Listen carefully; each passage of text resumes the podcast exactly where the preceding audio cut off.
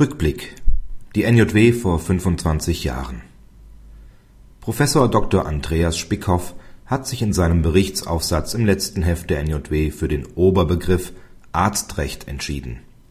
Welchen Begriff Professor Dr. Thorsten Kinckreen verwenden wird, der sich in einem weiteren Jahresbericht zum Ende diesen Jahres schwerpunktmäßig mit der gesetzlichen Krankenversicherung beschäftigt, bleibt abzuwarten Arzt, Medizin oder wegen des öffentlich-rechtlichen Einschlags doch Gesundheitsrecht?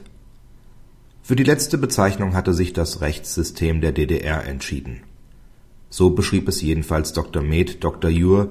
Herbert Mück aus Köln in seinem Beitrag in NJW 1983, Seite 1364 Neue Wege im Arzt und Gesundheitsrecht der DDR.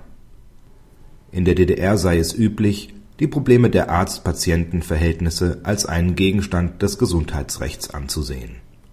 Das Staatssystem der DDR lieferte ihm dabei seine Begründung.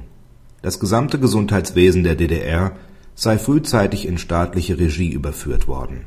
Zudem verbiete es die Rechts und Staatsauffassung der DDR, den als kollektives Anliegen geltenden Gesundheitsschutz der Bürger aus dem Blickwinkel eines einzelnen Berufsstandes zu regeln